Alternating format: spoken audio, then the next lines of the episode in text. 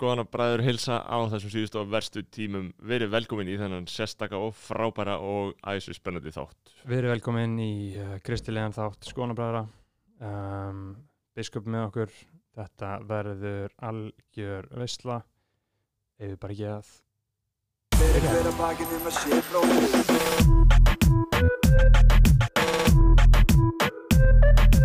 Fyrir hver að bakinn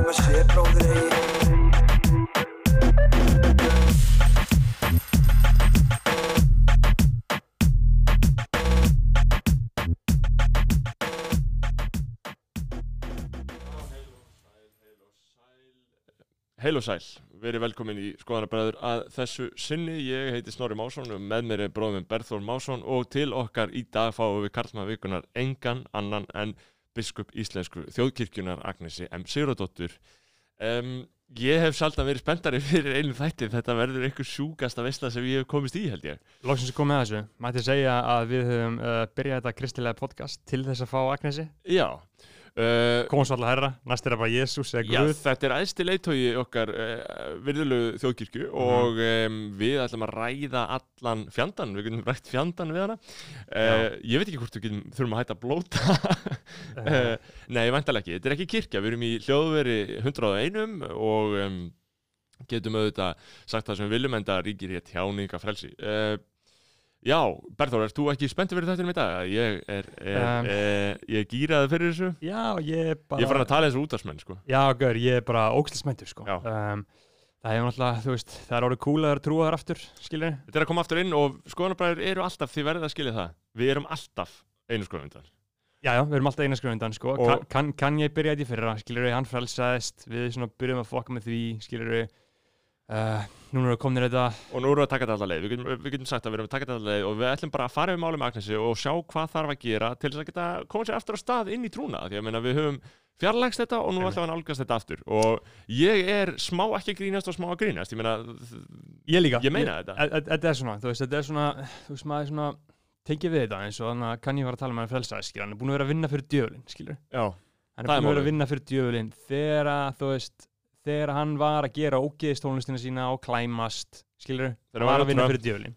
Já, veist, það var þetta epist þegar maður hefur Trump En, en já, einmitt við, við höfum verið að vinna fyrir djöfulinn, sko. að einhverju marki, við Að fórum að vera með auglýsingar og svo framvegis í dag erum við ekki með auglýsingar við Nei. reyðum okkur einvörðungu á stuðning frá hlustendum sem þýðir að við stundum okkar blaðamennsku gersamlega óháð um, Við sögum bara- Við sögum bara eins og hann sagði þarna Told the devil that I'm going on a strike Told the devil when I see him on sight Sko. við sjáum djöfulinn þegar hann leynist í skúma skotunum Og og, það er fucking on sight Við Satan sko. við særum hann við særum Já. hann burt með kvítlaug og krossi og það er nákvæmlega hér í þessu laðverfi sem við erum komnið til að gera það með Agnesi Biskup En, styrkjendur okkar Patreon. Já, Um, ég sagði það að við fáum bara styrki frá hlustendum og við erum með fólki í áskrift og í upphafi hvers þáttar þá þykir okkur tilöfni til þess að lesa upp þá sem leggja mest af mörgum. mm -hmm. Uh, það er svona að setja ultimate mm, virðingu á bræðræðið ég segi hérna fyrst skal frægan telja en uh, það er hann Tindur Örvarsson sem styrkir okkur, Haldán Svensson Tómas Óli Eggertsson, uh, Sverrir Jóhansson Geoffrey Huntington Williams, Hlynur Ólason. Tandri Traustason, Isl, niðurstrykk rap, niðurstrykk memes. Nablaus aðili, Naflaus aðili. Benedikt Bjarnason.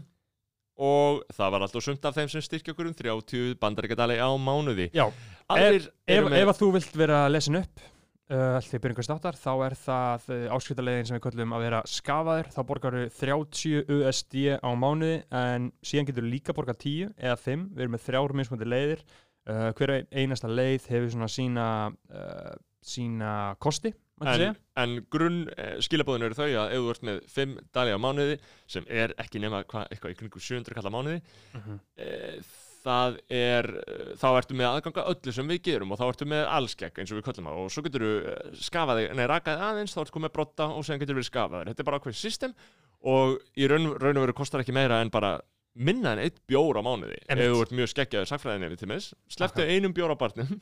Og setti virðingu settu einhver nafni og koti bræðarlæð og, og við erum ekki búin að nefna það að inn á Patreon þá gefum við út bræðlagslætti Já, það eru sérstakki þættir þar sem við látum allt þriðdag og það er bara fyrir þá sem að vilja hlusta á þetta good shit sem Já. að vilja bara komast í hérna gýr og þá gösum við og gösum við og segjum hluti sem við segjum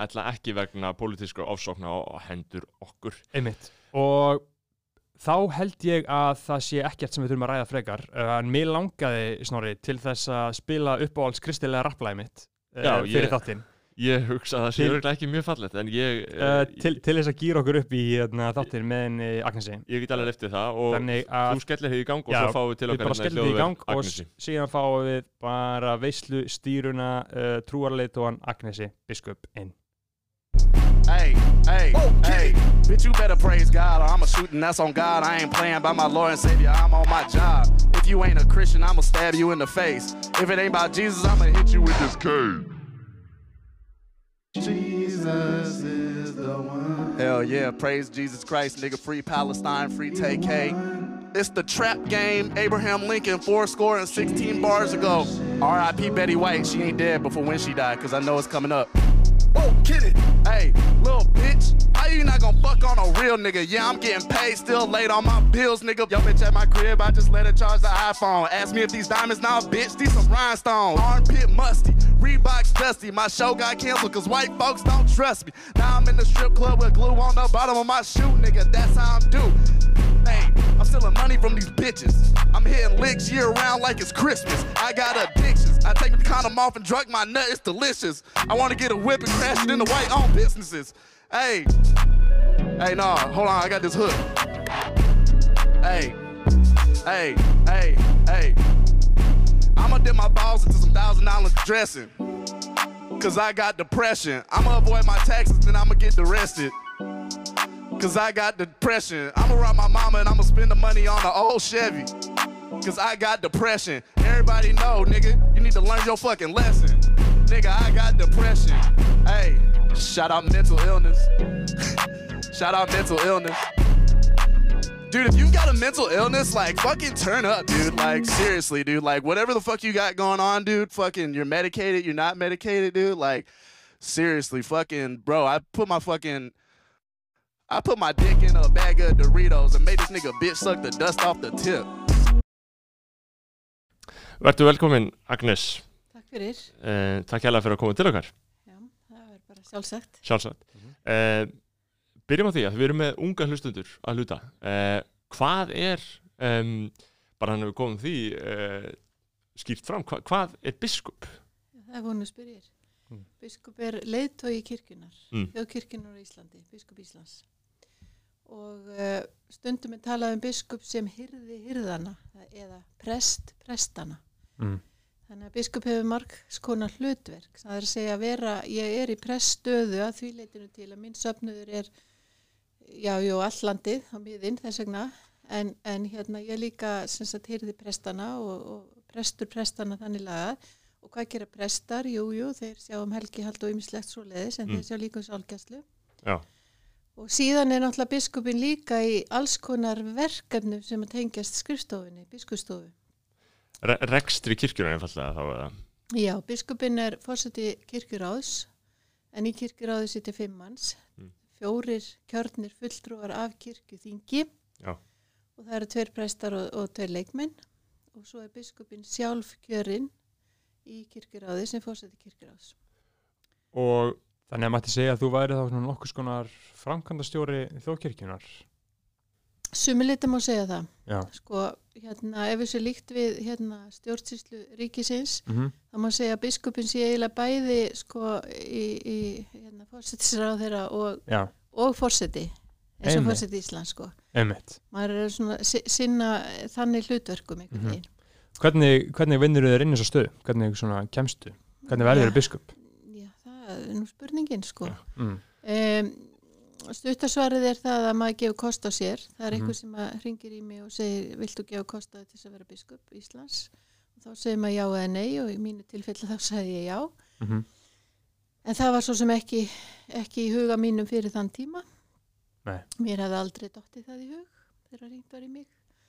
Og uh, síðan uh, eru einhverjir aðrir eins og við vorum þá á þeim tíma 2012 þegar ég var kosin. Þá vorum við held minni með átta sem að gáum kosta okkur þannig að við fórum í landi og kynntum okkur. -hmm. og þeir sem kjósa biskupin eru sem sagt prestar landsins sem eru í þjónustu kirkjunar.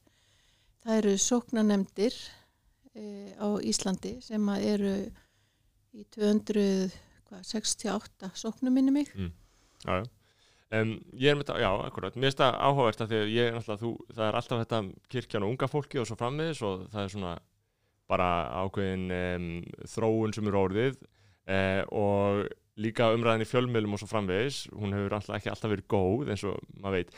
eins og þú segja að þú kemur í viðtal til okkar, hvernig líður? Ertu þá að hugsa að við séum að fara að bölla eitthvað eða hvernig, mynd, hvernig, svona, hvernig er að koma í viðtal til ungs fólk sem eru biskup? Ég finnst það bara gaman. Já, að tala um ungt fólk því að hérna það verður nú að segja eins og er að, að ég er ekki mikið að tala um ungt fólk svona í, í mínu starfi en samt sem áður er ég að líka tala um ungt fólk vegna þess að ég er náttúrulega prestur allra kirkjunar og það er ungt fólk í þjóðkirkjunni Mhm. allt frá litlum börnum og bjólinga og það er barnastarf og uh, unglingastarf í kirkjunni líka og ég hitti náttúrulega til dæmis í síðustu viku þá var útskrift úr svo kallum leðtóaskóla kirkjunar þar voru hvað 15 15, 18, ég man ekki alveg töluna mm. unglingar sem voru útskrifast úr þeim leðtóaskóla sem eru búin að vera í honum í vetur þetta eru krakkar sem taka þátt í starfi kirkjunar í nokkrum sóknum eða söfnum landsins Mm. Og, en, en þú ert ekkert stressuð að þetta menn eins og við værum að fara að, að uh, svífirða kirkjuna einhver marki? Nei, nei, ég er ekkert stressi Vi- veistu það, ég yfirleitt treysti ég fólki Já, Einmitt. einmitt. En getur þess útskýrt sko uh, þjóðkirkjan bara sem svona uh, stopnun hvernig er þetta rekið? Hvað eru hvað eru margir starfsmenn og þarna, í hvað svona hver eru aðal störfin og hvernig skiptist þetta? Hvað eru, hvað eru margir prestar? Og talaður um hana sóknar nefndir og sóknir Já, hvað, er það? sko það er þannig að kirkjan er, skipula kirkjan er byggt þannig upp að grunn einingin er sóknin Mm sem nær yfir ákveði landsvæði. Til dæmis hérna í Reykjavík að þá er í, í, í hverfum. Í breiðholt, breiðholtin í Reykjavík til Mm. dæmis eru þrjár sóknir. Það er sem sagt breiðholtsóknin, það er fellahóla brekkusóknin og það er seljasókn.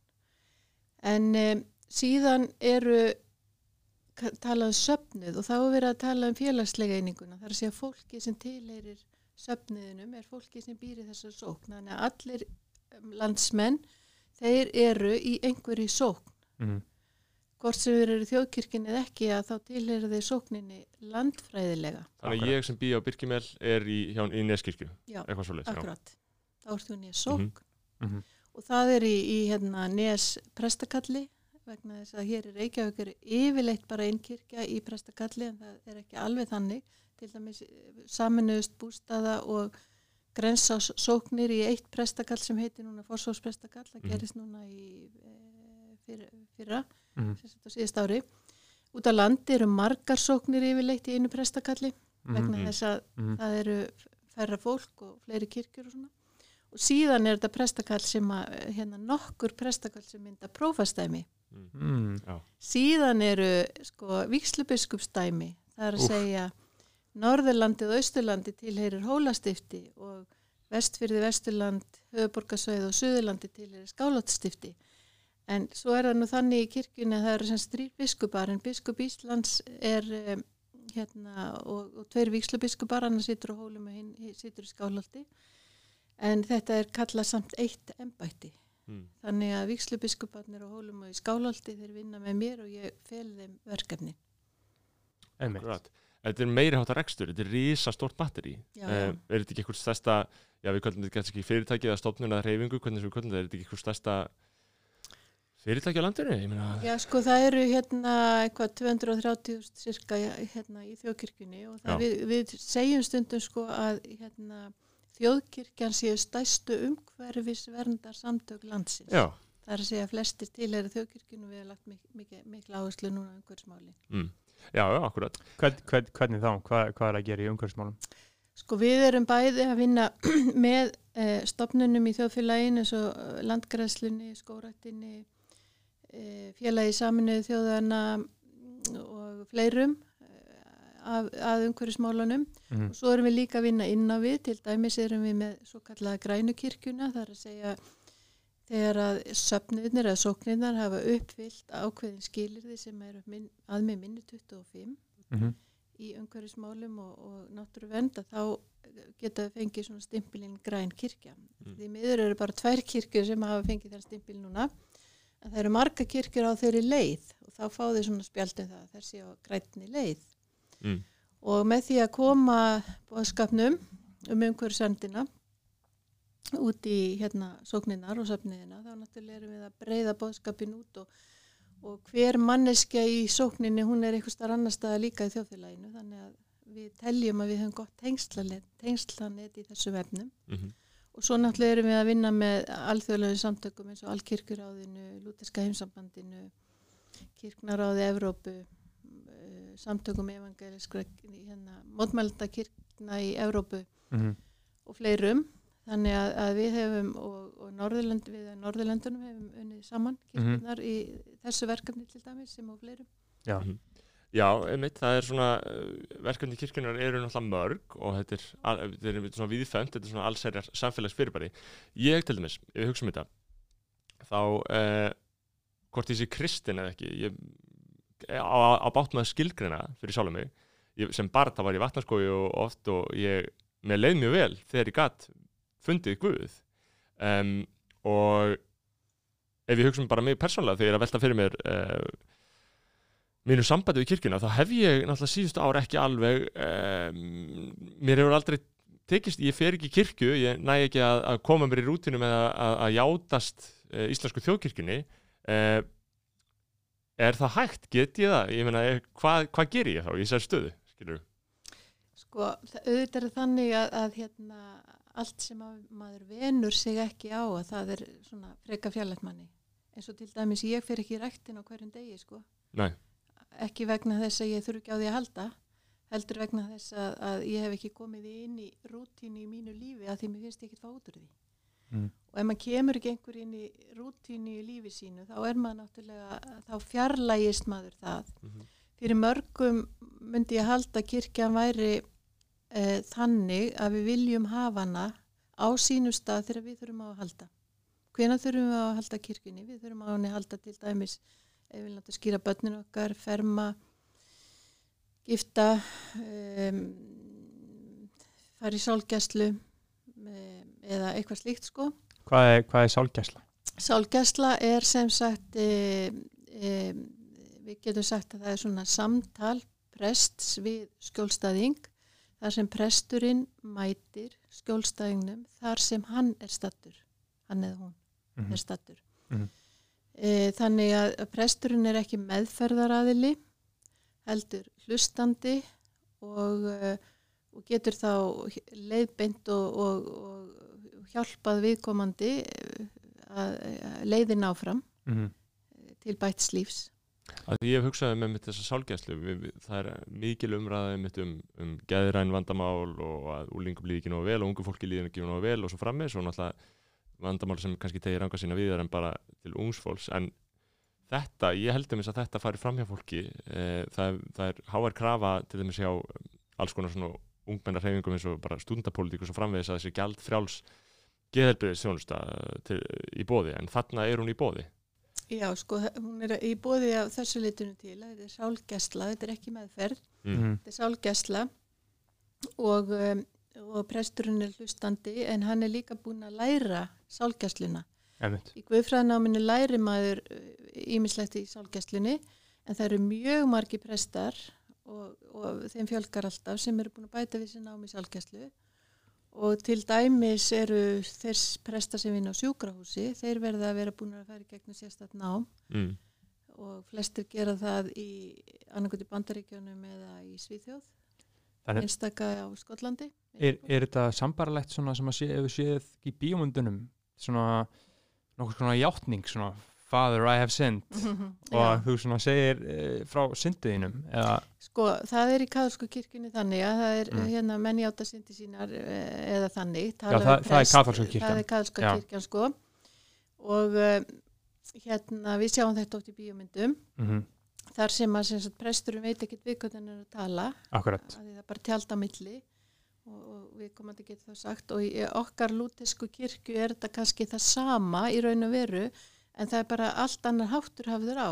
Það er Mhm. bara eins og við séum að tala saman hér. Þið sjáu mig og ég sé ykkur.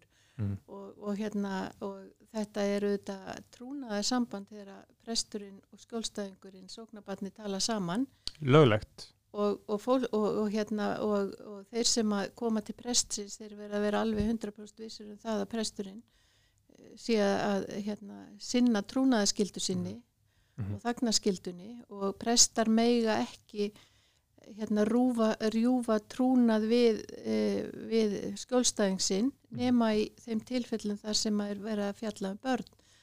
Ef að presturinn kemst að því að það sé verið að brjóta barni eða það sé verið að fara gegn lögum um barnavend þá Mhm. verður presturinn tilkynna það. En annað getur hann ekki sagt. Meiri segja að það veri bara morð eða eitthvað, einhver hræðilegir aðri glæpir. Er þetta bara glæpir gegn börnum eða? Þetta er, það, þetta er það eina sem prestar verða að gera sko. Mhm. en, en auðvitað eru þetta siðferðilega áleitamál sem komu upp í lífunni yfirleitt og Já. til dæmis eins og þetta sem þú nefndir Mm -hmm. hvað er presturinn að gera með það ef að, ef að morðingi kemur og segir ég myrti þennan mann Mhm. presturinn ætti að mínum dómi þá fyrst og fremst að reyna að leiða hinn meinta morðingja til þess að fara til rétts aðila og játa á sig glæpin Mhm. og hver er réttur aðili, það er vantanlega lögreglan, er það ekki fyrsta skrifið Mm. Já. sem að fer svo með málið eitthvað áfram Já, Mhm. akkurat. Já, en einmitt, ég, einmitt, ég, ég mynda mér og sé fyrir mér að það gæti verið kannski frústirandi fyrir ykkur að vita af sko eftirspurn eftir uh, þessu sem við erum að tala um, sálgæslu, hjá þessum fólki sem er að tala um að það þurfi meiri og bætta geðheilbriðsþjónustu en fólk er kannski ekki að sækja hana þangað, þar sem það er, þar sem það raun og veru verið að byggja upp á hana Hve- í kirkjunni. hvernig myndi ég fara að því? Get ég bara ringt niður í neskirkju? Þú myndir bara mæta. Bara, bara mæta? Já, sko það eru nú auðlistir viðtalstíman hjá prestum á heimasíðum kirknana Ok, vá, ég er að tjekka því. en síðan er bara hægt að ringja og, og byggja um viðtal og þá er Mhm. bara hægt að, þá er bara Mhm. gefin tími í það Einmitt, og þetta er ókipis eða? já, já, þetta er ókipis Ok, ókipis sálgæsla. Já, það er málið. Mér finnst Þetta- það, hlustendur, að- ég, ég vissi ekki að þessu, sko. Nei. Nei, nei, Nei. En við segjum líka stundum í kirkjunum sko, við hefum þétt riðið þjónustunnet um allt land Já, það Mhm. eru prestar á öllum póstum sko. og, og ég, held, ég er hættur um að fólk sko, einmitt, á okkar reiki gerir sér ekki grein fyrir þessi þeirri þjónustu sem er í bóðu þarna, sko, nei, einmitt. nei. Mhm. Nei, nei, en það er náttúrulega líka bara þannig í lífinu að sko við, við förum nú yfirleitt ekki að hugsa um hlutina fyrir þeir snerta mann sjálfan, Mhm. koma við mann sjálfan, eins og til dæmi sem að það er hausverk fimm daga í röð, þá dettur manni kannski fyrst í huga að maður geti leita til læknis, einmitt. Mhm. en maður vil helst ekki þurfa að leita til læknis. Nei.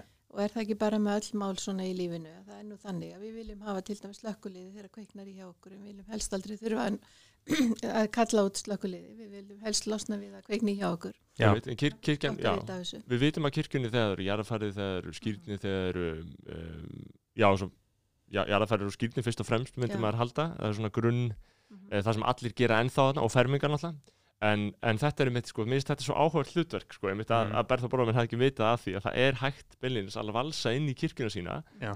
tala við prestum hvað sem er og hann er aldrei að fara að senda þér neitt reikning, skilur, hann er bara til að hjálpa þér Já, Mhm. já, er Og- og þetta er líka á þeim nótum sem ég var að segja því mér langar einlega, ég væri einlega til þess til, til ég að Mhm. koma mér einhvern veginn inn í eh, þetta, að geta að tala við prest og svo framvegis og ég held að það sem ég fallegt að geta það en ég bara hef ekki fundið það hjá mér Hva, hverju mælur með að maður myndi gera hva, hva, hva get hvar get ég byrjað á þeirri vegferð Já, þú, þú getur kannski bara byrjað í þinni sóknarkirkju að að fá, fá viðtalu prestin. Já. Það hringt og spurt, geti, getur þú gefið mig tíma og, og þá getur rætt við hann og þú finnur bara, þú ræður um hvað þú ræðir, já, hvað talar um. Það er bara þannig. mm já, einmitt, uh, kirkjan, ég þarf að koma mér ég þarf að koma mér inn. Um, það er ýmislegt annað uh, aðtilsvert Agnes, það er alltaf mjög mikil heiður að hafa hérna biskuð þjókirkjunar hjá okkur í stúdíu.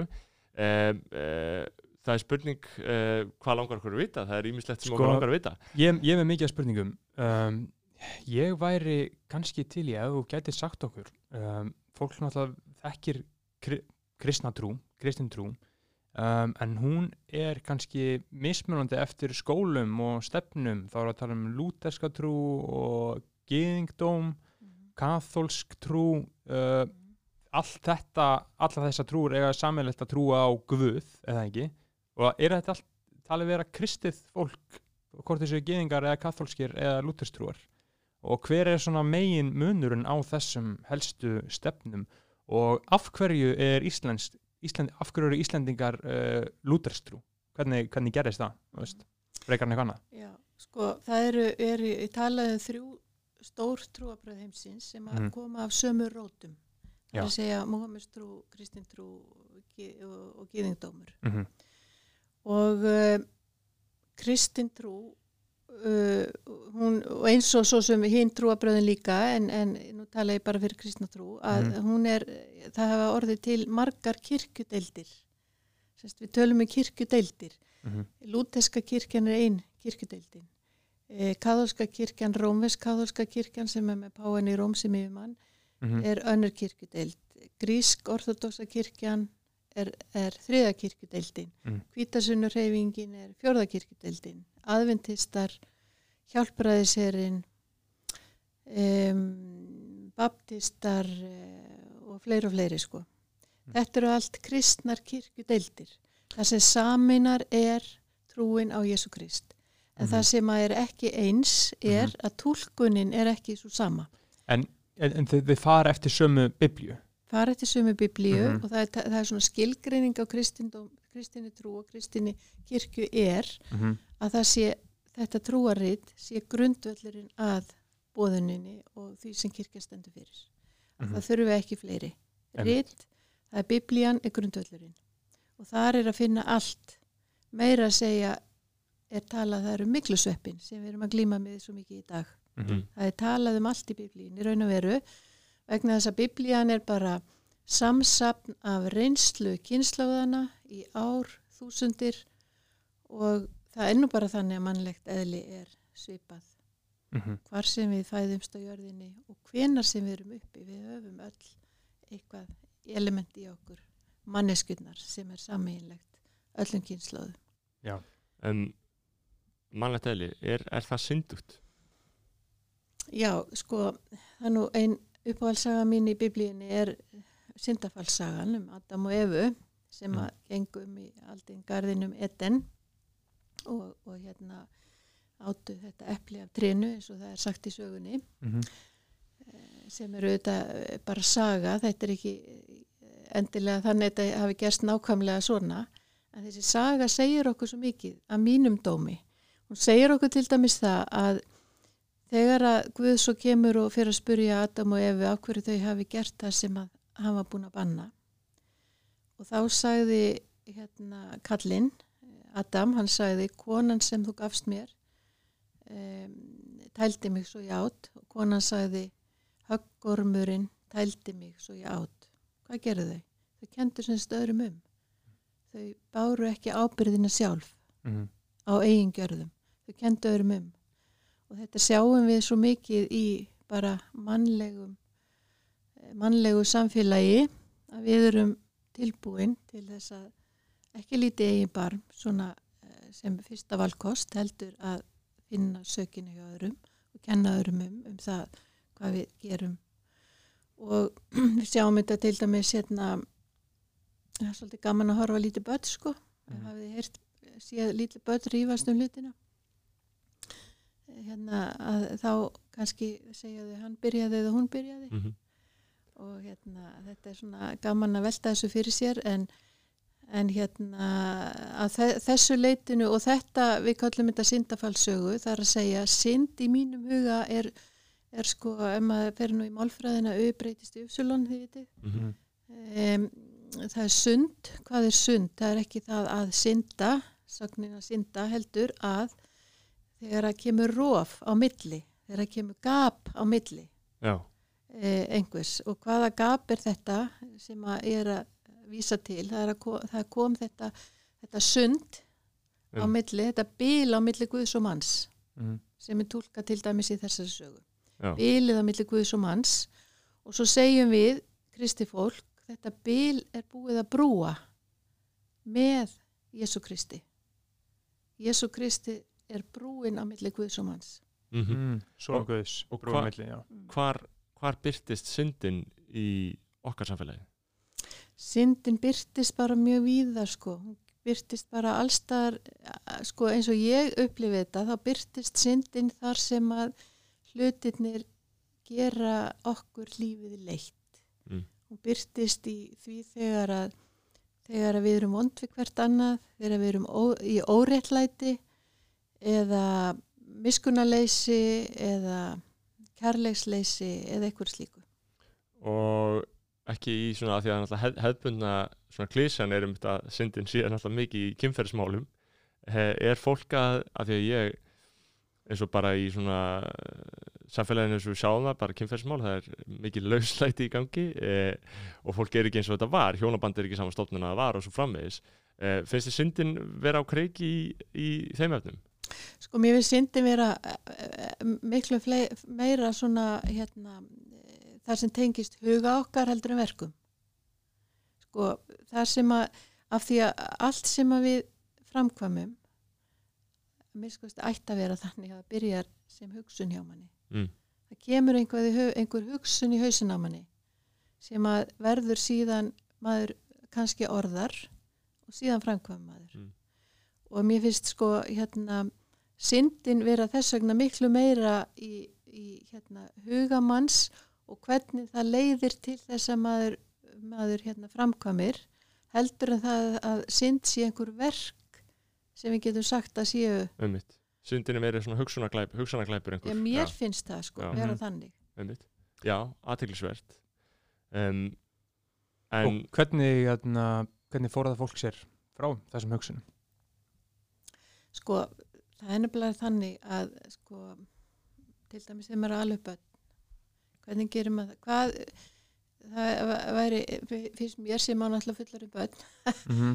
hefði verið alltaf mjög gott að ég hefði verið meðvituð um það eh, þegar börnum mér fættist hérna, býtu, hvernig, hvað vil ég að hérna eh, hvernig vil ég leiða þau börni mín á lífsins braut þannig að þau verða hamingisam manneskjur finni kærleikan vinni eftir réttlætinu kunna fyrirgefa eh, og allt þetta.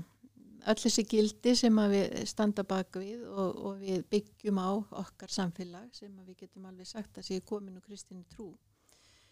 Og, og þess vegna er frekar auðvelt að vera kristimannisku í Íslandi vegna þess að við höfum öll þessi gildi kringum okkur. Mhm. við þurfum ekki að spurja um til dæmis eh, hérna ef einhver hérna brýst inn í e e eitthvað stað heimili, verslun eða eitthvað sko að þá finnst okkur það ekki rétt. Ég held að það sé nú svona almennt viðmið í samfélaginu til dæmis að, að svo sé sko. En ég held að, að hérna sko það er mjög nöðsilegt að kenna og ala börn upp í, í góðu siðferði. Þannig að það hafi góðan grunn til að byggja á lífsitt Mhm. og þá er það snertir það eins og ég sagði áðan miklu meira þetta að það sé það sé inngróið í huga okkar og hjarta.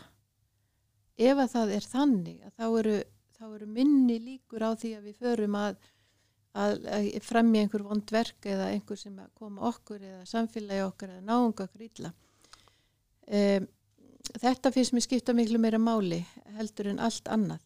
Mhm. og þess vegna sko og það er ekki bara að þetta þarf ekki bara að gera heimilunum þetta þarf að gera allstæðar þar sem börn eru. Börn fara mjög snemma á leikskóla þau fara síðan í grunnskóla það er skilda, þau fara í framhaldsskóla þau Já. fara uh, út af vinnumarkaðinn og allt þetta. Já, já, en um,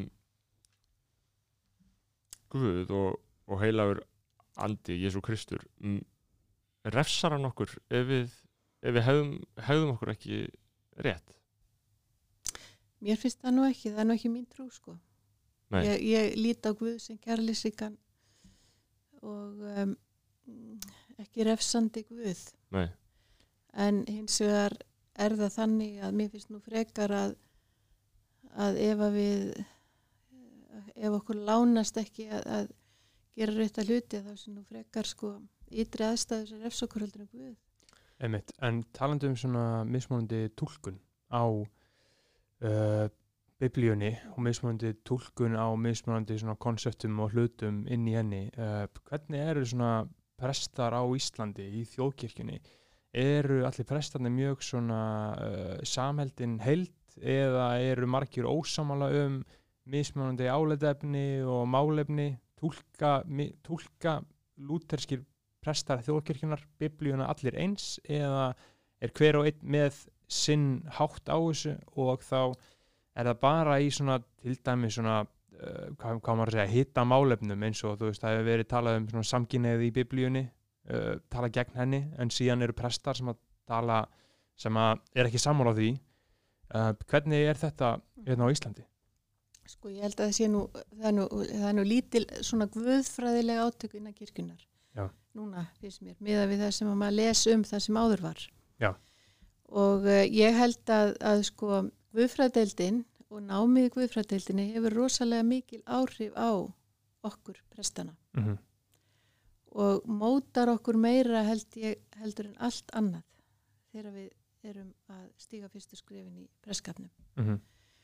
og um, ég held að uh, það sé nú kannski það sem veldur því að það er svona lítil lítil átökum uh, hérna, guðfræðilega átökum innan kirkjuna núna að við höfum uh, hérna uh, flest mótast af vegna þess að til dæmis kennari guðfræðdeildir er mjög lengi yfirleitt Mm. kenna nokkrum kynnslóðum guðfræðinga Einmitt.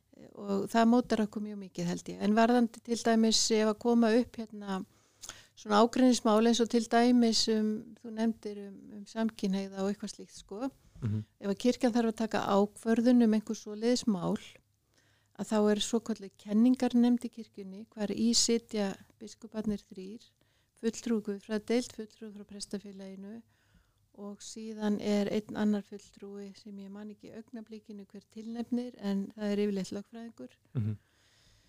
og uh, það er farið yfir málinn í kenninganemdini þannig að það er ekki svo til dæmis að biskupin, prestastefnan eða kirkjuþingið séu bara að ákveða.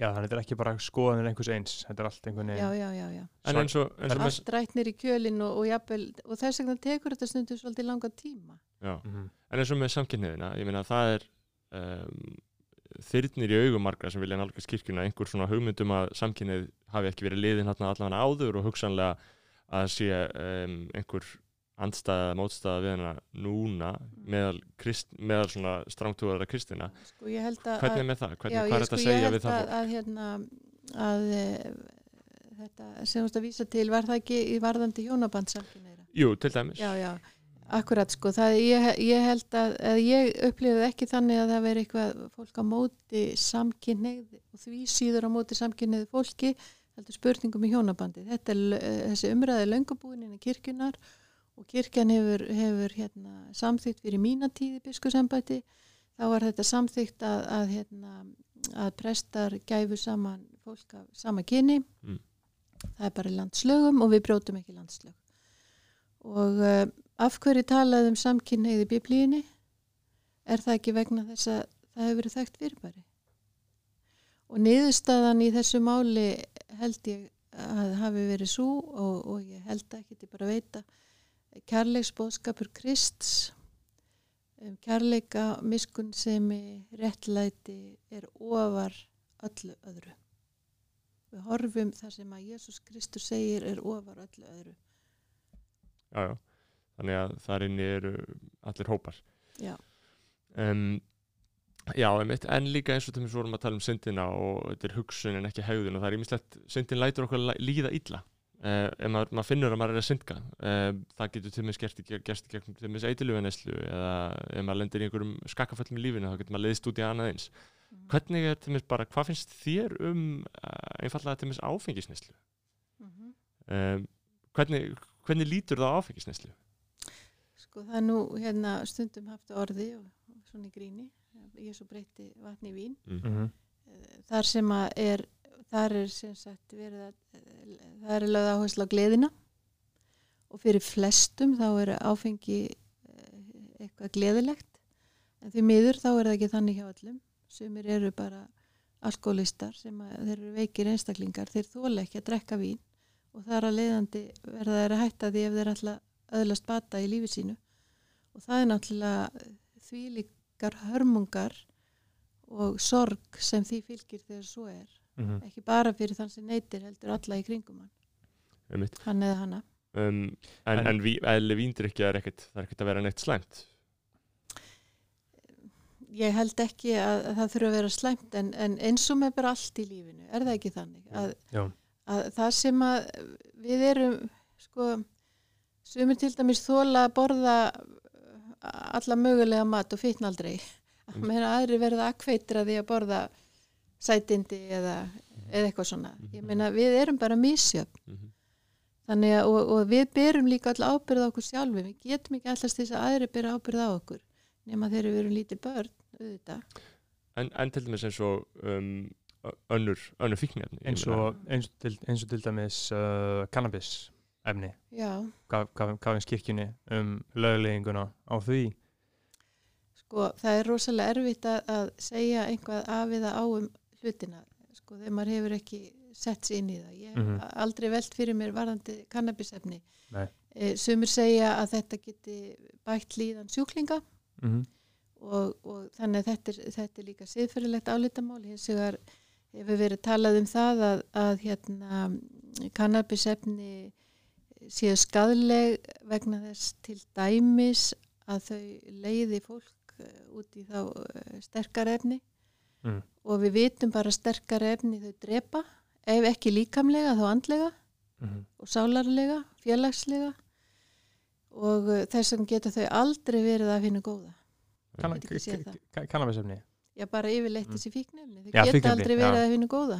nei, nei, ég, ég held sko persónulega þá held ég að kannabisefni geti sloppið en Já, já, já. vissulega eru hinn efnin uh, uh, kannski varhuga verðari 100% ef, eftir sko. því sem að fikra sér niður skalan til djöfulsins.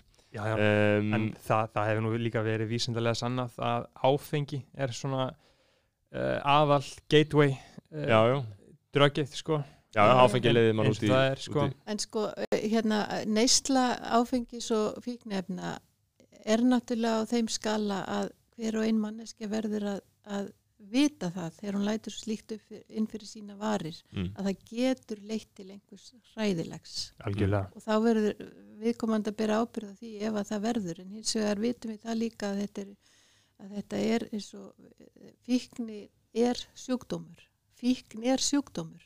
Mm og við vitum ekkit hver er haldin þeim sjúkdómi fyrirfram. Hvernig kemur uh, kirkjan að því að í svona, uh, svona þeim meðferðum sem eru notaðar gegn uh, áfengisvík svona tól- 12 spor 12 spora uh, prógrami þá er uh, stort koncept í því svona að gefast upp fyrir æðri mátti. Um, hvernig, svona, hvernig horfður kirkjan á það? Kemur hún sérstaklega að svona hjálpa fólki með uh, fíknivanda? Já, það er náttúrulega í gegnum sálgæsluna. Þá, þá er þetta öruglega oft hérna, ástæða þess að menn leita til presta af því þeir eru konir þrótt í lífi sín út á svona málum mm -hmm. annarkvort í eigin lífi, hjónabandi eða einhver vinnu, vinnunstað eða einhver öðru Mm. við styðjum við hjá kirkjunni styðjum hérna, e, það er stopnarnir sem að sem að hérna, vinna með fólki í þessu og við leggjum alltaf, alveg sami hvað málflakkir, mikla áherslu á faglegheit, að fagleg sjónar með ráði og þeir sem að best vita og gera best í þeim efnum, að þeir sjáu um þessi mál. Kirkjan rekur engan svona stað um, en hins vegar fullt af AA-hópum og al annan hópum í, sem fá inni í kirkjum fyrir, fyrir fundina sína. Mm -hmm. En svo má kannski segja það að við erum að fara að opna hérna dagsettur fyrir konur sem eru í vanda og eiga hverki skjól á daginn. E, við erum að fara að opna það vonandi í haust, allavega, allavega á þessu ári. í, í kirkju Í, það verður upp í Grensáskirkju. Já. Það er talið að, að eða miskusti fór ég og kynnti mér málin og mér var sagt að væru að minnstakosti 100 konur sem væru á, á göttunni og, og ættu ekki fastan samastað, já, hræðilegt. heimili, ættu ekki heimili Mhm. og, um, og hérna kirkjan vill þetta stiðja við það fólk, við viljum ekki sjá fólk á göttunni, kannski tíu stiga frosti Nei. eða kvöld og trekki yfir háviturinn og þetta er niðurstaðan, við getum ekki hjálpa öllum en allir geta hjálpað einhverjum Mhm. og þetta er niðurstaðan. Vi, Þá erum við sérstaklega að horfa til ungra kvenna. við vorum að ræða hérna mm, eh, málefni hjónabandsins og uh, kynferðismálin í gamla dag var fólk sektað fyrir að eignast börn utan hjónabands og svo framvegis og það var oft gert á, á til dæmis kristilegum grundvöldi menn svona ímynduð sér að það, ge- þau gætu, fund, gætu hafa fundið eitthvað í biblíunni sem reyndir stóðum til það að þetta væri óæskilegt. Uh, núna er náttúrulega mikil eh, eins og ég segi hérna lausung og, og, og bara fólk gerir þetta eins og það vill. Uh, er það ekki bara líðin tíð að kirkjan sé að taka sérstaklega afstöðu til þess hvað fólk gerir áður en það kemur í hjónabandið? Ég meina fólk kemur oft í kirkjun og giftir sig þar. Er það ekki bara liðin tíð að, að kirkjan sé í rauninni að taka afstöðu til þessara engamála eða? Kirkjan leggur bara áherslu að hver ber ábyrð á sjálfu sér og vil styðja fólk til þess að Já, það geti það. Já, og hvað fólk gerir í, sínu lífi það er hérna, svo fremið að það sé ekki verið að að brjóta á öðrum en Mm. það er líka kannski að brjóta sjálfum sér að, að, að vera ekki ábyrgur í, í lífi sínu. Þá má kalla það kynlífi líka já, í já. öllu lífi sínu Um, En hva, hvað er svona uh, hvað er svona helstu markmið og stefnur kirkjunar svona, hva, hvað sjáu þið og hvað finnst þér svona vera mest að í íslensku samfélagi? Og hvernig, hvert er hlutverk kirkjunar í að laga það og, og hvernig myndið þið laga það? Sko við Svona helsta vandamálið. Já, við kannski má segja að kirkjan hef ekki verið nótulega að vinna með öðrum sem er að vinna góðu málum í samfélaginu, við erum að reyna að bæta okkur í því Mhm. en um, það eru auðvitað mörg samfélagsleg mál sem að kirkjan vil skipta sér af og hefur verið að skipta sér af, ekki bara af því að, af því að mm, okkur dettur það í hug, heldur að því okkur finnst að það vera hlutverk kirkjunar Mhm. og það er til dæmis í ýmsum mannréttindamálum um, það er í umhverfismálunum Mhm. og ýmsum svona málaflokkum en hvernig En- viljið þið styrkja kirkjuna hvernig viljið þið styrkja já, kirkju, stóðir kirkjuna sjálfur til bara með því að ná til ungs og fólks og svo framvegis Já, sko, það er náttúrulega botnar engin utanakomandi í þessu systemi hjá okkur, sko. Um, ég nefni biskusembætti, kirkjuráð, kirkjuþing, sóknanemdir, Mm. uh, prófasta, hérasnemdir, hafið þið heyrtið sér upp? Ekki fyrir en þú sagður okkur frá því hérna í byrjun þáttar Já, sko, með þess er ég að segja, kirkjan vinnur á mörgum vikstöðum. já, og hérna grunnenningin eins og ég saði fyrst er sóknin. mm. Þar fer starfi fram og það er í hverri sókn á að vera unnið um, það er helgihald og það er kærleikstjónusta og það er fræðsla og það er menningarstarf og það er um, eitthvað fleira svona. Þetta er allt tiltekið í, í hérna, það sem við köllum innri samþykti jú, þjóðkirkjunar er Síðan- og þetta er hinn eiginlega kirkja þar sem fólkið er já, í mínum huga. Og þegar ég er að vísitera til dæmis vísitera því ég er að heimsækja Mhm. biskupin hefur að hlutverka að heimsækja alla sóknir landsins og fara í alla kirkjur og ekki- alla sóknunum það er ekki að koma á alla staði tíu ára eða? Jú. það er rétt. Og, og hérna þá hitti ég hérna mjög glaða kirkju þakkláta e, ábyrgt og samviskusamt fólk sem þykir væntu kirkjunu sín og vill henni vel e, síðan les ég um einhverja allt aðra kirkju í fjölmiðlum Já. og hvaða kirkja er það? Það er, það er væntanlega stopnunin. Það er verið að tala um það sem að hefur leitað eh, sem sagt, til dæmis það sem við erum að vinna á biskustofu sem að við erum ofta að vinna á grundvelli laga eða reglna þar að segja sem að kirkju þingið setur og við eigum að fara eftir.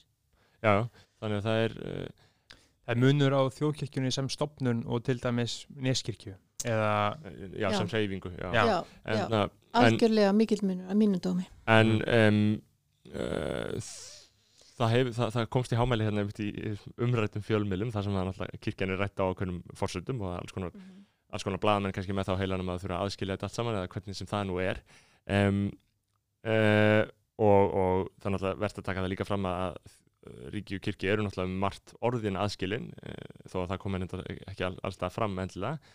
En ég er að hugsa um það, var, það komst í hámæli einhvern dögunum þegar þú varst að tala um siðróf uh, og fólk, Mm. fólki fannst það svolítið skemmtilegt. Mér fannst það Mm. frábært, mér fannst frábært að heyra almennilega orðnótuð getum við talað þess um, um þær aðtarsöldir siðrófið, Já, já, sko, Hva, hvað er sést það? já, já, síðurof er bara í mínum huga og það er það sem ég náttúrulega, það er auðvitað þannig þegar maður nefnir einhver orð og einhver hugtök að það hafi ekki allir saman skilning á því. Nei, Ég var nú bara að meina það að síðurinn var rofinn, þar að segja hefðin fyrir því að kenna kristifræði í skólum, hún Já. hefur verið rofinn.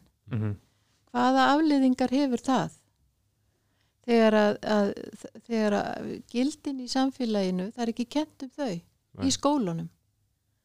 Auðvitað verður þá kirkjan bara standa sér betur í því að kenna þessi gildi og, og, hérna, og reynir það svo sum en, en hérna, hún hefur kannski ekki staðið sér nándanari nógu vel í því og við erum að reyna að bæta okkur í því. Um, ég er, var ekki að segja að, að sko að hérna sagt, þetta fælst aðal í því að það er hægt að kenna kristinfræði en ekki það að, að, að það sé að, að siðrófið verði vegna þess að það er hægt að kenna hana. Og það sé síður og sjálft að það sé hægt að kenna hana. Já, Já. einmitt. En heldur það geti líka orðið og það vegna þess að það sé hægt að kenna hana? Það getur vel verið, ég veit ekkert um það en það, allt, allar svona breytingar við getum ekki séð fyrir þetta ára tugi sko. Einmitt. En hver, hver, hverjar það, heldur að afleggingarnar uh, séu ef að samfélagi algjörlega aftengist uh, kristinfræðinni? Já, til dæmis, sko, afleiðingarnir eru til dæmis þær, ég er ekki að leggja mat á það hvort að það er gott að von, Mm -hmm. en það eru til dæmis þær að, að, hérna, að, að það sem ég skildi sem barn og áttaði mig á að það væri í, til dæmis í biblíunni, í gegnum það þeir læri biblíusögur, að það er náttúrulega ungt fólk nú til dags að það, það tengir ekki neitt við þetta. Um, síðan til dæmis ef að fólki verður svo listamenn, myndlistamenn, tónlistamenn eða eitthvað annað, þá fer það að pæla í þessu vegna þess að, að hérna, við sjáum í listinni að það eru mjög margir listamenn sem að eru að finna e, temu og þemu um, hérna, e eitthvað sem þau vilja tólka í biblíunni Mhm. með því að mála eða gera högmynd eða tónverk eða eitthvað slíkt sko. Mhm. Kannastu eitthvað, uh, ertu kunnug uh, listamannum Kanye West? Nei, Hann er sem sagt eitt svona fremsti listamæður bandaríkjana, uh, fatahönnur, tónlistamæður, rappari og svona mikill hugsaður Mhm. og hann einmitt uh, endurfættist mm -hmm. sem kristin maður mm. uh, í fyrir tveimur árum og hefur síðan þá, hann var rappari var svona klámfenginn og gat verið svona mi mikil, mikil synd. dól- Dólslegur í háttum. dól, dólkslör í háttum og svona mikil synd í textunum hans og allt svona. Þangar til fyrir tveimur árum og þá uh, fann hann Guð og hefur síðan þá ákveðið að tilenga sér það að rappa bara um kristna trú og bóða hana. Og hann er einmitt, hann tala mikið um það hann, finnst mjög pyrrandi að hann er, fær einmitt ekki samþyggi innan kirkjunar í bandaríkjunum af því að þeim finnst hann ekki vera svona nógu nógu kristin en ég, ég mæli sterklega með að þú uh, kynnið hann Já. sko Já, Þyrfti akkurat. sama þróun ekki að vera hjá íslensku rapparum? Jú, jú, jú, jú, bara sko, það er gott að, að hérna bara fólk um, komi kristindómnum að framfæri, hvernig sem það gerir það og, og fólk finnur til það sína leiðir, mm -hmm. eins og þetta ef að fólk verður, enn og þannig ef að fólk finnur trúna, að þá hefur það mikla þörf fyrir að, að láta vita af því Mhm. og koma þessum bóðskap á framfæri. Það er bara eins og allt gott sem við erum að upplifa í lífinu, langar okkur ekki til að segja frá því og langar okkur ekki til þess að, að aðrir finni þetta líka ef þeir eru að uh, klá, klást við einhvað erfitt í sínu lífi. Já, já. Um, við vorum að tala um já, vorum að tala um biblíuna og, og velta fyrir okkur uh, því sem stendur í henni Já. uh, og þessum sögum. Og þetta er náttúrulega magna bókmyndaverk og svo framvegis og þetta líka magnað að lifa eftir þessi ef maður gengur svo langt. Uh, Kristur sjálfur hann var náttúrulega bara einhver fátaklingur sem bóðaði kærleikan núna er kirkjan uh, mjög mikið af fólki sem fær mjög góð laun.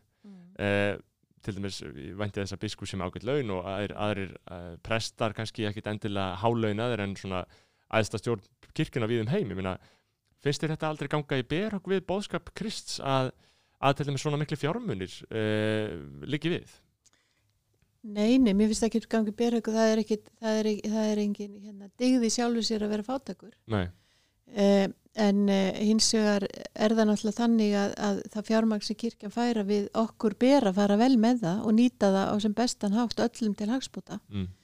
Nýta þannig að það gagnist ekki bara innan kirkjunar til þeirra sem er að vinna á planinu heldur, heldur allra sem að til er að kirkjunni og allra þjóðarinnar Já, já. alls samfélagsins vegna þess að þetta er þjóðkirkja Hvað hva, hva er kirkjan að gera til að berjast gegn uh, ójöfnu í samfélaginu? Uh, hún til dæmis uh, er með hjálpastarf þjóðkirkjunar, eða hjálpastarf kirkjunar þar sem að hérna eh, er nú lögð mikil áherslu á það að hjálpa þeim sem að, að hérna, þurfa á þeirri hjálp að halda, bæði fjárhagsleiri hjálp og, og ýmsum öðru stöðningi og það er náttúrulega tekið til þess í samfélaginu hjá þeim sem það ekki til hvað hérna, faglegt, faglegt starf fer fram hjá hjálpastarfi kirkjunar Mm. og, og félagságjafi sérstaklega Vilborg sem er búin að vinna það lengst af þeim félagságjum hefur, hefur komið með mikið faglegheit inn í ekki bara starfi í hjálpastarfinu heldur líka til annara sem er að vinna að slíkum málum í okkar samfélagi. Mhm. e, síðan er náttúrulega við með fjölskyldu þjónustu kirkjunar sem að er með Og, það, og það er mikið af fólki sem er að sækja þessa þjónustu hjá kirkjunni, ekki satt? Jú, jú, jú, jú. Fjölskyldu þjónustan þar er sko verið að sinna fjölskyldum og það er eh, hérna í staðin fyrir að borga marga þúsund galla eins og fólk gerir þegar það fyrir til sálfræðis eða Já. eitthvað, þá borgar fólk ekki svo mikið. Um já, já. En um, Kristur, var hann sósialisti eða kommunisti? Já, er ekki kommunistar guðle, guðleysingjar, Eh, ég held það nú, eða einhvern tíma lærði ég það sko. Já. Ég er ekki mikið veltið sem fyrir mér, sósialisti, jú, það geta alveg verið að hann hafi verið það sko. Ert, Um, þú, þú ert ekki sósialisti? ég er ákvað það mjög unga árum að ég skildi aldrei verið í pólitík og lendi síðan í því að vera í senn, sennilega pólitískasta starfi landsins sem Já, er biskups þjónustan. Um, hvað er pólitík? Ég veit ekki. Ég, ég er ekki flokksbundin, hef aldrei verið og, og teg nú allir upp á því á gamalsaldri. Mhm. Verið flokksbundin og hefur kosið marga flokka og hérna, En hvort ertu í hvora áttina hallar þér? Ég halla mér í enga átt Nei. en, en ég er alin, er upp á ef þú vilt vita það. Já, Mhm. já, já, það er og, gott, og gott að hérna vita. ég er ekki alin, ég er alin upp í, eh, af, af sósialista held ég eða það var aldrei talað um pólitík á mínu heimili, heyrði aðal út í bæ og harmaði það mjög að pappi minn skildi ekki kjósa sjálfstafsflokkin eins og pappar vinkvina minna um, en um, hins vegar voru besti vinni pappa minns uh, oftar en ekki sjálfstæðismenn og, og ég er alin upp í það að, að gera ekki, fara ekki hérna, gera ekki greina minna fólki, fara ekki mannamun uh, koma vel fram við alla taka upp hanskan fyrir þau sem minna mega sín og uh, ég er alin upp í það að tala ekki illum fólk og ef ég var pyrruð, einhver var að stríða mér eða kalla mig Sierra Agnesi sem fór mjög í pyrrurnar á mér vegna þess að pappi mér var prestur já. mér var strítt með því En séðan varstu Mm. sér, Agnes. Þá var ég Sierra og ég hrökk allir og fór að segja Sierra við mig þegar ég var fullorinn Já. en ég meina ef ég kannski kom heim tuðandi það að einhver væri svona að stríða mér eitthvað þá sagði, var mér bara sagt getur staði við þetta fyrir rétti Já. og hérna ég er alveg semst upp í það að, að, að vera ekki með fleipur eða vera ekki að tala um eitthvað sem ég veit ekki um eða Var kirkjan áður fyrir, var hún pólitískari? Var kannski vesen fyrir presta lendi ykkur um pólitískum málum og Me- slikt? Me mega prestar vera svona ofnberlega flokksbundnir og mikið að tjá sig svona um, um pólitíka, gera þið það? Það er alveg nokkuð um það? Já, já, það eru marg, sko, gamla daga voru þó nokkur á þingi og, held að sem enginn á þingi núna en alveg framöndu þetta og ekkur prestur á þingi og, Mm. og nokkur í sveitarstjórnu líka. Hver er muninn á því að vera prestur og vera kannski, það er ekkit allir þótt að þú mentið þið sem prestur og verður prestur það þýðir ekkit að fá vinnu á þjóðkirkjunni eða hvað? Nei, Hvernig, hvernig sækir fólk um? já, það, það er nú þannig að, að þú þarft að klára guðfrædeldinni, hérna, mag teol próf, um, þú þarft að, að klára starfþjálfun hjá þjóðkirkjunni Mm -hmm. þú þarft að vera með reynd sakavottur og uh, gagvart ákveðnum brotum í hegningalögum Mhm. og eh, þá getur sótt um og, og hérna síðan er þannig að til það sækjur um að vera prestur í sókn eða söfniði að þá, þá fer hérna þá sækjur um samkvæmt auglýsingu Mm. og síðan fer þeirra kannski fjóri sækja um eða tíu eða eitthvað þeir fara til svo kallara matsnefndar sem tekur viðtali við alla og metur hæfi fólks það eru, það eru mestalegi fimm sem komast áfram ef það eru fleiri fimm sem að sækja sem komast áfram til svo kallara kjörnemdar sem er þá fólkið heima fyrir í sókninni sem búið er að velja á aðalsefnufundi í þessa kjörnemd og hún getur verið frá 11 upp í hvort það er 1923 í, í stærstu söfnun að fyrir til starfsóknarinnar Mhm. eða prestakallsins og kjörnemdin og hún kýs í leynilegri kostningu eftir að hafa tekið viðtölu við fólk og farið yfir öll gögnin og síðan fær biskup þetta eftir kostninguna og fer yfir ferli, ferlið allt hvort, allt hvort að löglega hafi verið staði með reglur okkar að þessu ferli en síðan er, hún, er biskup bundin af nýðustöðinni Mhm. ef að hefur verið allt rétt gert Þá samþýk, þá stimplað þú bara og segir Já. já. þá er bara viðkomandi eh, það var skipaður fyrir áramót Já. en nú er hann ráðinn af því að það er, við erum ekki lengur embætsmenn ríkisins En þannig frá það, með fyrsta janúar síðastliðin en er þá hægt að vera bara uh, sjálfstætt starfandi prestur, frí, frí, frílandsprestur? Nei, prestar eru alltaf kallaðir Mm. það er söfnuðurinn sem kalla prestin En þú getur verið bara guðfræðingur Já. en ekki prestur? Já. Ok. Já, mér finnst þetta, þetta stórkostlega merkilegt allt saman ég er, ég er ánægð með kirkina og ég vil og ég er í alveg raunverulega að hugsa um að e, bara reyna að tala við prest Mm. og Mm gera eitthvað, ég hugsa til mér bara um að fara í messu eða eitthvað en ég læti aldrei verða að því. Nei, af því það er eitthvað félagslegt svona sem er vantar, einhver tenging þarna sem er vantar og það þarf að brúa það bil. -hmm. en það er líka kannski vegna þess að þú veist að það er alltaf messa næsta sunnudag líka. Já, og nú, þú vilt kannski gera eitthvað annað í dag þennan sunnudaginn og ætlaðir að vera næst þá kemur eitthvað annað það er svona með margt sko já, En hver, hver, hver er leiðin? Þú Veist, hvað á maður að gera? Á maður að mæta í messu? Ég man eftir þegar ég var lítill svona að maður fór í einhverja messur skilur, mér fannst það ekki skemmtilegt sko. en núna er það áhuga sko. ég held að Já. það myndir hafa áhuga í núna um, hver, hver er leiðin? Bara einhver svona uh, einhver ótrúaður guðleysingi uh, og líka svona- hvernig finnum maður Jésu Krist sko? hvernig Já, get ég fundið hann hvernig get ég allt í einu farið að trúa á að sé bara eitt kallan uppi sem að vernda mann og uh, maður getur leita til. Hver, hver eru fyrstu skrefin? Á maður að lesa biblíuna? Já, já, biblían er, er marga bækur. Og, og það er nú kannski álöpsverk að lesa hana. En maður getur byrjað að lesa hana Daví Sálmana, Markus og Guðspjall styrsta Guðspjallið eitthvað slíkt sko. Byrjað, byrjað á einni bók og lesið en hérna, maður getur líka farið í jú, það er hægt að fara í messu það er hægt að eh, fá tíma hjá prestinu bara í spjall og um, það er hægt að, að fylgjast með því sem er að gerast í kirkjunni það er sumarkirkju senda bæklinga á heimili kannski, eða svona fréttablöð einu sem tvisar ári en þetta er nú yfirleitt á heimasíðunum hvað er að gerast og um, það er margt spennand að gerast í kirkjunum Mhm. og það er mjög mikil starfsemi og til dæmis í, að því þú nú nefnt neskirkju já, Mm. hérna, að það er mikið um að vera þar já. og þeir Skúli, er okkar maður sko. já, já, akkurat Mm.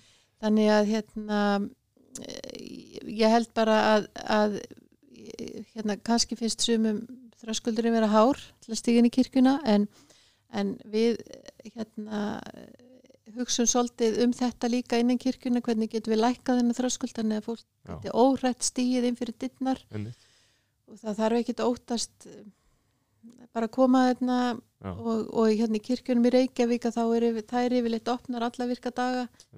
Fólk að vinna þar sem er náttúrulega ekki út á landi því það er yfirleitt ekki starfsfólk í kirkjunum nema, nema organistin sem er þá yfirleitt að sinna ykkur öðru líka. Mm. um, hugsaður stundum eins og dæmis, ég sjálfur er, er vinn sem starfa sem blaðamæður og maður hugsaður oft sko, maður horfir á þessi fallegu dagblöð hérna sem verður með mér svo borðinu, morgunblöð, fréttablöð við erum ennþá að fá með þetta uh, inn til okkar og maður hugsaður svona hrættur um að þetta geti endað af því að þetta er svona óhjákvæmileg þróun sem er einhver starri fjarlæð um að dagblöð hætti að ganga og svo framvegs hugsaður þannig um kirkjuna, hugsaður ég hrætt um að á einhverjum tímpúti bara hætti þetta. Nei, nei, ég óttast ekki neitt og, og, og hérna eh, auðvitað reyni ég og hugsa um það daglega að ég vilji ekki verða til þess að skaða kirkjuna sem ég elska Já. en um, hins vegar bara treysti ég Guðu það mikið að ef að Guð vill að kirkjan hætti að starfi heiminum þá verður þannig ef Guð vill að kirkjan haldi áfram að starfi heiminum þá verður þannig Er hægt að hugsa svona með allt? Ef að Guð vill að Ísland þurkist út út af COVID þá gerist það bara, það er Guð vill að það er hægt að hugsa þannig Mm. það er hægt að hugsa þannig ég hugsa ekki þannig Já, ekki alltaf Nei, þess að við bregðumst við þeim aðstæðum sem eru eins og til dæmis í þessu COVID-ástandi þá bregðumst við og, og hvað gerðist þá? Við fórum að treysta ekki fórum, við treystum já, sérfræðingunum sem vissu betur og ákvaðum, eða ég fyrir sjálf mig ákvað, ég ætla að treysta þessu fólki sem kemur hérna, þreiminningunum Mhm. að þau sé að segja satt og rétt frá já, og að ef að þau segja þessi í lagi að opna sundlaugunar þá ætla ég treysta því já, að ég geti farið þangað án þess að vera hérna, rættum það að veikjast. En hins vegar er það líka lífsmott og mitt að lifa ekki í óta einmitt. og ég veit ekki hvað er oft talað um það í biblíunni það er mörgundur sinnum sagt hræðslu ekki, óttast ekki verð ekki hrællitla hjörð. Mhm. uh, þetta, er- við sjáum þetta í, í bóðskap Jólanna þegar hérna hýrðarni, nei, hérna fengur tíðindin, já. þeim var sagt að vera ekki hrættir sáum þetta í bóðskap páskana líka. í texta biblíuna, litla hjörðu og svona þar, ég, ég fór líka að hugsa um að mér langa að spyrja þig út í þarna, það, er- það er þetta mál begja kynja sem Já. hefur verið umrætt.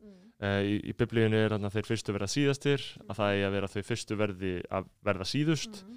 uh, þau sem heyra í mér gera þetta og svo framvegis og s- sæl eru fátæk og svo framvegis. Hvað finnst þér um, um þe- þetta er það sem er núna viðhaft í þýðingunum eða Þetta ekki er sko 2007 þýðingi sem við kallum svo. Það er að segja síðasta, nýjasta útgáfan af biblíunni þýttri á íslensku. Það er 2000, hún kom úr 2007 það er mál begja kynja. Einmitt. og það, það er náttúrulega breytið til dæmis eins og brefunum það er hjá Páli til dæmis postula það er talað oft um hérna bræður. Já. þá er sagt sískin Já. Og uh, hvað finnst þér um það, Vill, þú, þú ert fylgjandi þessari stefnu af því að ég meina ég einhvern mann talaði um Guðrún og Kvaran sem tók þátt í þýðingunum hún segist þau séu hættir þessu. Já, já, nei, ég sko að sitja já, og heyra talað um bræður. Já, hvernig ég geta tekið til mín? Mér Já. finnst ég ekki vera í einhverju bræðarsamfélagi ég skilji, um, þau eru sískin já, við erum sískin þannig að mér finnst það betra sko að, að hafa þetta málbekja kynja. Mhm.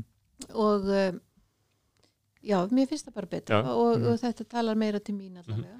Já, mér finnst það mjög bara Já, aðtilsvert algjörlega. um, svona að, að, að lokum hjá að okkur lokum, við erum alltaf búin að Hérna- taka helviti gott Já, helviti, ég má ekki segja helviti ekki, ekki við við biskups. Nei, hva, hvað finnst þér um að uh, hvað, hvað finnst þér um að blóta?